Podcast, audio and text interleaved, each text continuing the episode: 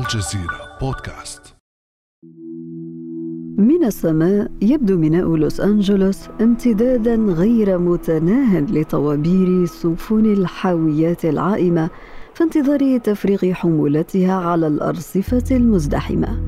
سفن شحن تقطعت بها السبل قبالة هذا الميناء حيث يمر قرابة 40% من البضائع المتجهة إلى الولايات المتحدة. أقود شاحنتي في المرفأ منذ ما يقارب عشر سنوات لكن هذا العام كان مروعا. لم أشهد هذا من قبل. ووسط هذه الأمواج المتلاطمة تغرق أزمة اختناق سلاسل الإمدادات موانئ عديدة حول العالم. أزمة أحدثت ارتفاعا في الأسعار وفي مستويات التضخم الذي تجاوز في الولايات المتحدة فقط 6% وهي نسبة غير مسبوقة منذ ثلاثة عقود فهل ارتفاع التضخم العالمي مؤقت أم دائم؟ وما تداعياته على تعافي الاقتصادات العربية؟ وكيف يمكن تخفيف الضغط على سلاسل الإمدادات العالمية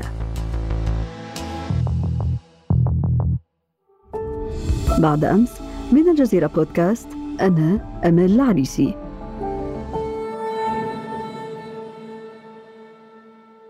وينضم إلينا في هذه الحلقة الأستاذ محمد أفزاز المحلل الاقتصادي بموقع الجزيرة نت. أهلا وسهلا بك أستاذ محمد. أهلا وسهلا بك وبالمستمعين الكرام. بداية أستاذ محمد لنفسر مؤشر التضخم ما هو؟ وكيف يتم قياسه؟ دعنا أولا نؤكد أن مصطلح التضخم هو مصطلح متداول بين الأشهر ضمن المصطلحات الاقتصادية لكن الكثير قد لا يفهم هذا المصطلح على الوجه الصحيح أو بالدقة المطلوبة. لكن دعنا نبسط التضخم هو ارتفاع الأسعار خلال فترة طويلة وبشكل مستمر. ارتفاع الأسعار قد لا يكون بالضرورة هو التضخم. التضخم هو أن نستمر في ارتفاع الأسعار للسلع والخدمات بشكل مستمر ولفترة طويلة. نرتفع باثنين ثلاثة أربعة خمسة ستة إلى أن نصل ربما إلى ما يسمى بالتضخم الفاحش أو المفرط الذي يؤثر على الأفراد وعلى الأسر. لنمثل مثلا قصة. سيد محمد ذهب إلى السوق بداية الشهر الأول ومعه 100 دولار. اقتنى ما يحتاجه من سلع ومن أغراض. عاد إلى البيت وهو مبتهج بما اشتراه. بعد شهر عاد إلى نفس السوق ومعه المئة دولار نفسها فتفاجأ بأن هذه النقود لم تعد تسعفه لكي يشتري نفس السلع. لماذا؟ لأن الأسعار ارتفعت. في الشهر الآخر أخذ معه 110 دولار لعله يشتري نفس السلع التي اشتراها في الشهر الأول. فوجئ مرة أخرى بارتفاع الأسعار حتى ال 110 دولار لم تسعفه في أن يشتري ما كان يشتريه في الزمن الغابر. هذا ارتفاع في الأسعار يؤدي إلى التضخم. يعني بصورة أخرى أن القدرة الشرائية للأفراد تتأثر بهذا التضخم بشكل مباشر. بكل تأكيد لدينا 100 دولار نفسها يعني المعروض من النقد أو ما يملكه السيد محمد هو نفسه لم يتغير لكن الأسعار عندما ارتفعت لم يعد بمقدوره أن يشتري نفس السلع. إذا تأثر إذا قدرته على أن يشتري نفس السلعة لم تعد بنفس المستوى. إذا تأثر وتراجعت قدرته الشرائية بسبب هذا الارتفاع أو بسبب هذا التضخم. وقد يتحول هذا الشخص من أن يكون غنيا في فترة من الفترات إلى أن يصبح فقيرا بسبب الارتفاع الفاحش وهذا حصل في عدد من التجارب على المستوى العالمي بل وأكثر على عبر التاريخ إن شئت بسبب الحروب والنزاعات إلى غير ذلك. طيب أستاذ محمد هل يمكن أن نعتبر أن التضخم ظاهرة اقتصادية سلبية؟ يعني كل شر هو؟ التضخم عندما يكون في حدود بالنسبة للدول المستقرة الدول المتقدمة. الدول الكبيرة التضخم عندما يكون بحدود 2% إلى 3% يكون مقبول. لا نقول أنه مرحب به. التضخم دائما لا يكون مرحبا به إلا إذا كان مؤشرا لإمكانية تعافي الاقتصاد أو ركود الاقتصاد ما يسمى بالانكماش. لكن التضخم في حدود 2 إلى 3% يظل مقبولا لأنه يؤشر على أن هناك حركة اقتصادية ونشاط اقتصادي لأن التضخم هو ملازم للنشاط الاقتصادي. بينما عندما يكون لدينا آه، حالة كورونا على سبيل المثال ندخل في دوامة من الانكماش الاقتصادي وتراجع الأسعار إلى غير ذلك. إذا في حدود 2 إلى 3% يكون الوضع ربما مقبول. لكن عندما ترتفع مستويات الأسعار قلت بالنسبة للاقتصاديات المتقدمة ما فوق 3% هنا تصبح الدول تنظر بالشك بالريبة إلى هذه المستويات وتبحث عن الحلول لكن بالنسبة للدول النامية والدول العربية 2 3% هذه بعيدة المنال نتحدث عن 10 عن 15% حتى هذه المستويات قد تكون مستساغة في الاقتصاديات النامية لأنه تعتمد على الاستيراد بشكل كبير جدا. لكن عندما تصل إلى 50% وإلى 100% هنا تصبح أحجام التضخم كبيرة جدا وتؤثر على كما قلت على الأفراد وعلى الأسر وعلى الاقتصاديات بشكل عام. في سياق حديثك أستاذ محمد تحدثت عن أسباب كثيرة. ذكرت على سبيل المثال كورونا ذكرت حروب وربما أسباب أخرى.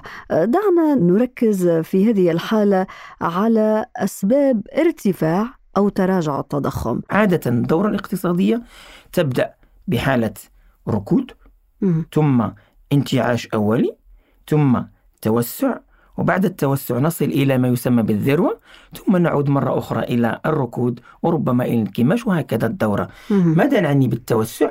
بمعنى أن هناك ارتفاع للطلب في الأسواق سواء كان هذا الطلب على السلع أو الخدمات تستمر الأسعار في مقابل الطلب بالارتفاع رويدا رويدا إلى أن تصل إلى مستويات غير مقبولة.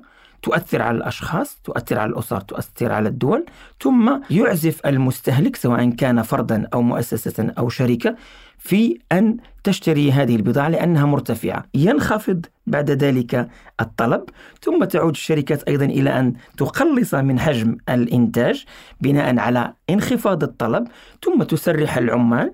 وعند تسريح العمال يفقد الشخص القدرة الشرائية وعندما يفقد القدرة الشرائية نعود إلى أسعار في مستوى متدني. ثم نبدأ مرة أخرى بتحريك عجلة الاقتصاد من جديد. من بين الأسباب التي تؤدي إلى التضخم على الأقل هناك كثير من الأسباب لكن أولها مثلا ارتفاع تكاليف التشغيلية أو الاستثمارية عندما نرفع أجور العاملين لسبب أو ذاك بسبب المطالب الاجتماعية أو النقابات أو الخروج إلى الشارع أو إلى غير ذلك من الأسباب عندما ترتفع الأجور معناه نضخ أموال إضافية في جيوب الناس. إذا نرفع الطلب وهكذا ترتفع الأسعار. من بين الأسباب أيضا المعروض من النقد. هناك بعض الدول مثلا تلجأ إلى طبع النقود. نقول طبع النقود على المكشوف بمعنى أنها تطبع النقود بشكل إضافي دون أن يوازي ذلك توسع في الإنتاج. تكون لدينا أموال طائلة في السوق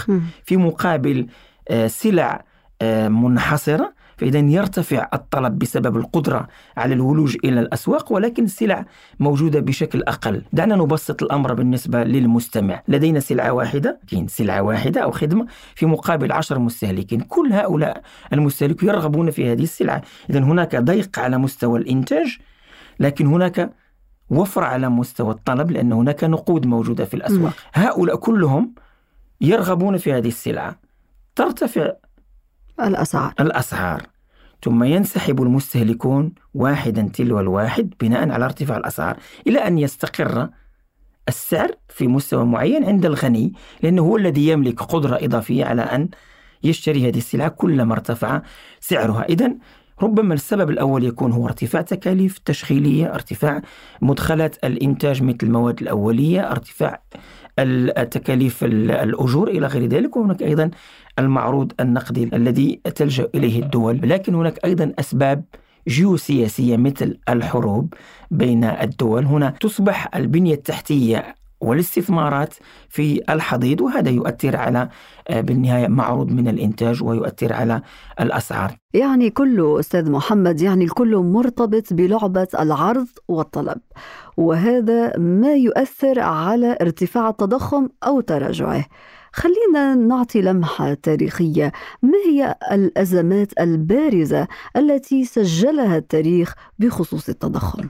على سبيل المثال في ألمانيا بعد الحرب العالمية الأولى وتحديدا في سنوات العام 1921 1923 المارك الألماني انتقل من أربعة مارك فاصل خمسة أربعة وخمسة من عشرة مارك مقابل الدولار إلى أكثر من 2 مليار مارك ألماني في مقابل الدولار. بمعنى بتنا نشهد تضخم وصل إلى 29 ألف بالمئة. 29 ألف بالمئة. بمعنى أنه السلعة التي كانت تباع بمارك قبل الحرب العالمية الأولى مارك واحد أصبحت تباع نفس السلعة بعد الحرب العالمية الأولى ب 29 ألف مارك. عندما يحتسي الألماني كوب قهوة باثنين مارك قبل الحرب العالمية أصبح يشتري كوب نفس الكوب نفس السلعة بأكثر من 58 ألف مارك ألماني. إذا هذه أزمة كانت كبيرة.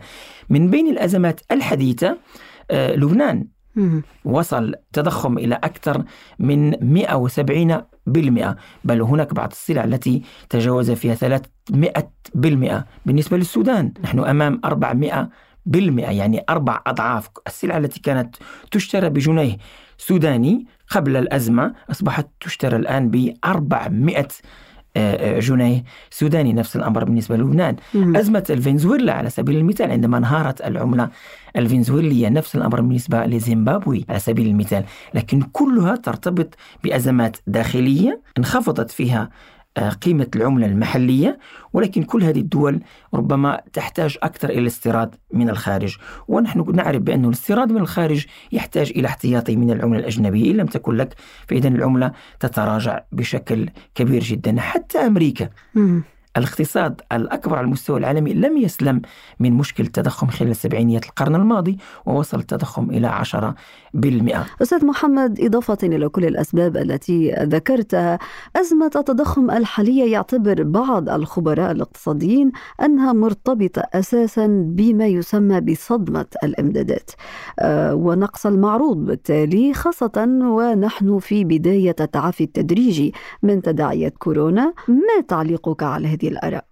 في حالتنا الحالية القصة بكل بساطة كنا نعيش في فترة كورونا كساد اقتصادي توقف للنشاط الاقتصادي العالمي دخول الناس إلى إلى منازلهم توقف المصانع الكل دخل إذا النشاط الاقتصادي العالمي توقف بعد فترة أصبحنا نعيش رويدا رويدا تعافي اقتصادي مع انحسار موجة كورونا.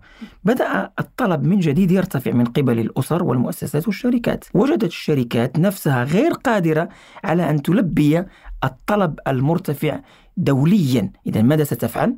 في ظل نقص العمالة في ظل نقص المواد الأولية. هذه المواد الأولية تحتاج أن تستوردها من هذه الدول وهذه الدول نفسها تعيش أزمة على مستوى الإمدادات.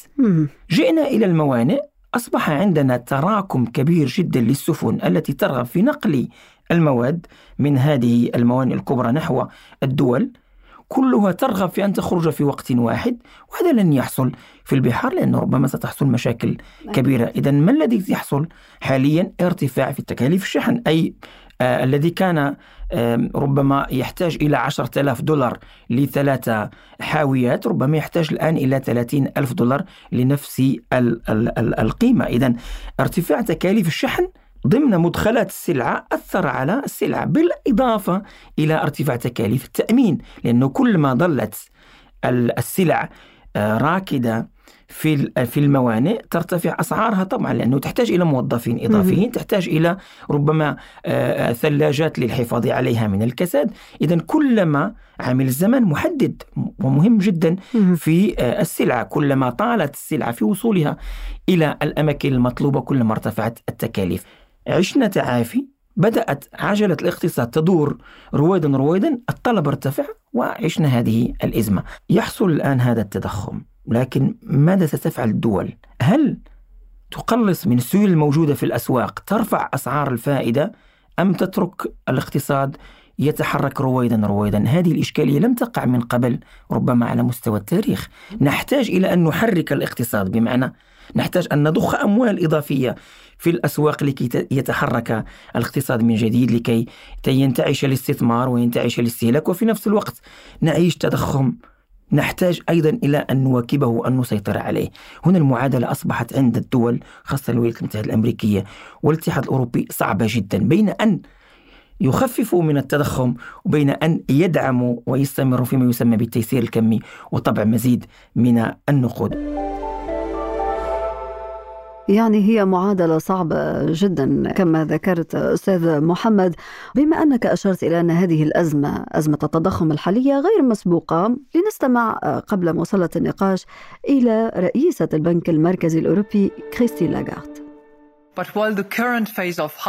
إذا استمرت المرحلة الحالية من التضخم لفترة أطول نتوقع انخفاض التضخم خلال العام المقبل. بناء على كل المعطيات التي ذكرتها أستاذ محمد برأيك هل التضخم هذا مؤقت؟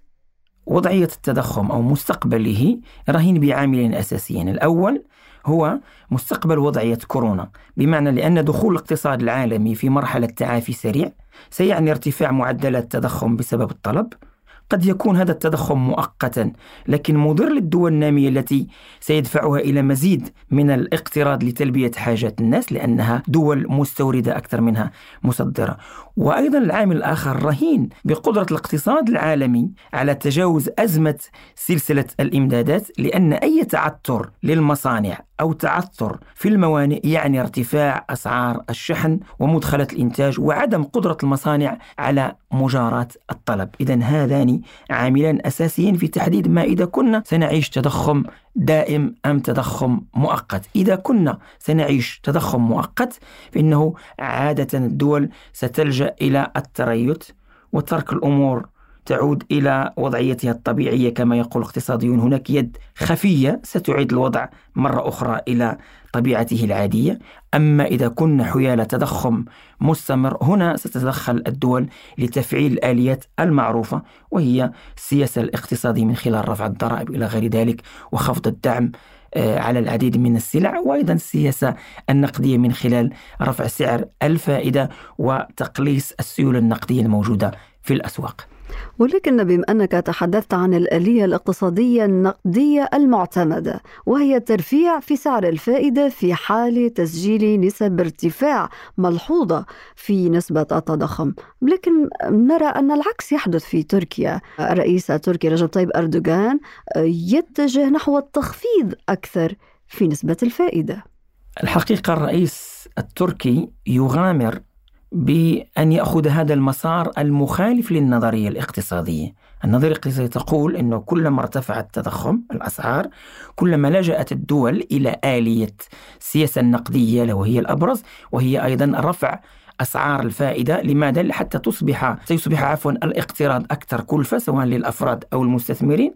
ثم نهدئ من الأسواق من جديد ونخفض السيولة النقدية الموجودة. أردوغان يؤمن بما يسمى الحرب على أسعار الفائدة. يجب أن لا تصبح أسعار الفائدة هي المتحكم في مصير حركة النشاط الاقتصاد بالرغم من ارتفاع التضخم إلى 20% هو أيضا لجأ إلى خفض أسعار الفائدة إلى من 20 إلى 8 إلى 19 إلى 18 والآن أيضا 15% والرهان الأساسي بالنسبة لأردوغان حقيقة هو أن يطور من قدرة تركيا على التصدير لكي يجلب احتياطي من الأموال آه، ومن النقد الأجنبي. الآن تركيا واحدة من كبرى الاقتصادات المنتعشة التي ربما وصلت إلى حجم تصدير 173 مليار دولار ويتأمل أن يصل إلى 200 مليار دولار. أقول 200 مليار دولار أي مرتين حجم عدد من الاقتصاديات العربية. إذا هو يراهن على أن ينشط الاقتصاد من جديد عكس النظريات الاقتصادية. الإجراء الذي انتهجته تركيا هو مغامرة كما وصفت أستاذ محمد في المقابل الولايات المتحدة الأمريكية. الأمريكية تتريث الدول الأوروبية تترقب طيب وماذا عن الدول العربية؟ كيف تتعامل الآن مع أزمة التضخم العالمية؟ بكل تأكيد كما قلنا التقارير الدولية وحتى الإقليمية تشير إلى أن الأزمة التضخم الحالية تؤثر على الدول النامية والأقل دخلا أكثر من الدول العظمى والإقتصادية الكبرى لماذا؟ لأن الدول النامية بما فيها الدول العربية هي مستوردة أكثر منها مصنعة مستهلكة أكثر منها منتجة. ولذلك تتأثر كثيرا بتقلبات أسواق سعر الصرف العالمية وتتأثر كثيرا بتقلبات أسعار المواد الأولية. لنشير إلى أن فجوة الغذاء في العالم العربي تقدر تقريبا بنحو 33 مليار دولار. فقط غذاء 60% فجوة غذائية بمعنى أنه الدول العربية لا تنتج إلا 40% من احتياجاتها الغذائية القمح على سبيل المثال تسع دول عربية تستورد ما يوازي 23% من الحصة العالمية للقمح. ما دامت الدول العربية تستورد أكثر مما تنتج فإنها ستتأثر بتقلبات الأسعار على المستوى العالمي. رويدا رويدا. إذا تحررت رويدا رويدا من الاستيراد من الخارج فإن ربما تتحكم في التضخم بهذا المستوى أو ذاك. حسب كلامك أستاذ محمد الدول العربية ليس لها هذه اليد الخفية التي يعول عليها خبراء الاقتصاد في دول الكبرى. يعني هي تترقب أيضا وتنتظر ولا يمكنها أن تدير هذه الأزمة هي تترقب ترقب الدول الأخرى يعني ترقب على ترقب حالة بالضبط. انتظار لحالة انتظار وفي الوضعية الطبيعية الدول العربية والدول النامية التي لا تملك القرار الاقتصادي الحقيقي الحقيقي هي تنتظر القرارات التي تصدر عن الولايات المتحدة الأمريكية. على الاتحاد الأوروبي حتى قيل بأنه إذا عطست أمريكا آه، يتأثر العالم ككل. فما بالك بالدول العربية التي في مجملها لا تساوي تقريبا 2 تريليون دولار أي أقل من الناتج المحلي لإسبانيا على سبيل المثال. ولا نتحدث عن دول أخرى. طيب أستاذ محمد تحدثنا عن الدول عن الأنظمة الاقتصادية عن التجارب التاريخية. طيب وماذا عن الأفراد في الدول العربية؟ نحن دائما نتحدث عن إدارة الأزمة. هل يمكن برأيك للأفراد أن يستبقوا الأزمة؟ الأفضل بالنسبة للدول والأفراد أن تكون لديهم سياسة استباقية للأزمات. إذا كانت الولايات المتحدة الأمريكية في مواجهة أزمة النفط الحالية لديها احتياطي استراتيجي نفطي يقارب 621 مليون برميل ما يكفي لثلاثين يوما.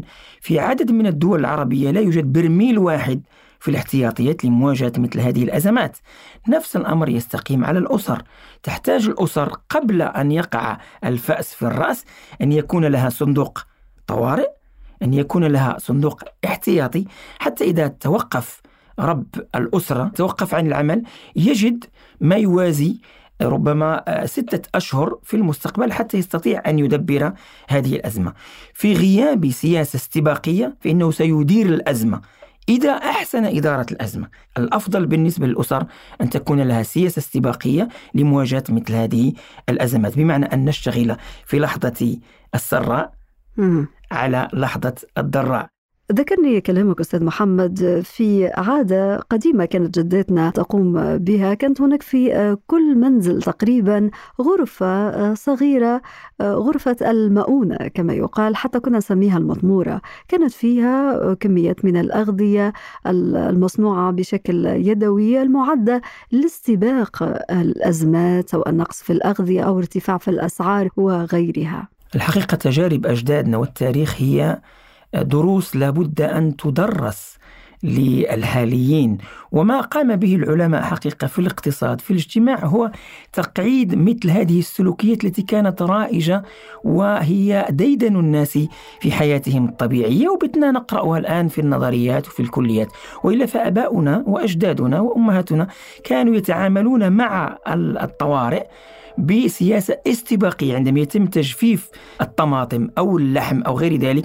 هذا يقول المثل المغربي مثلا لدوير الزمان للزمن الذي ربما تشح فيه الموارد وربما يفقد فيه رب الأسرة عمله أو ربما لا تهطل الأمطار لسبب أو ذاك. وخاصة ونحن في هذا التغير المناخي الذي ربما غير بالكثير من سلوكيات الناس.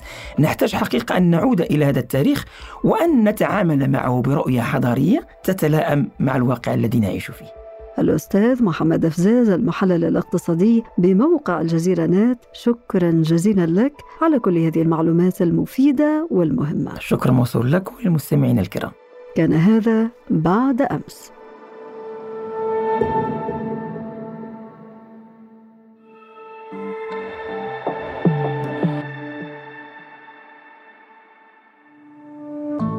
ابقى على تواصل مستمر مع الجزيرة بودكاست ولا تنسى تفعيل زر الاشتراك الموجود على تطبيقك لتصلك الحلقة يومياً.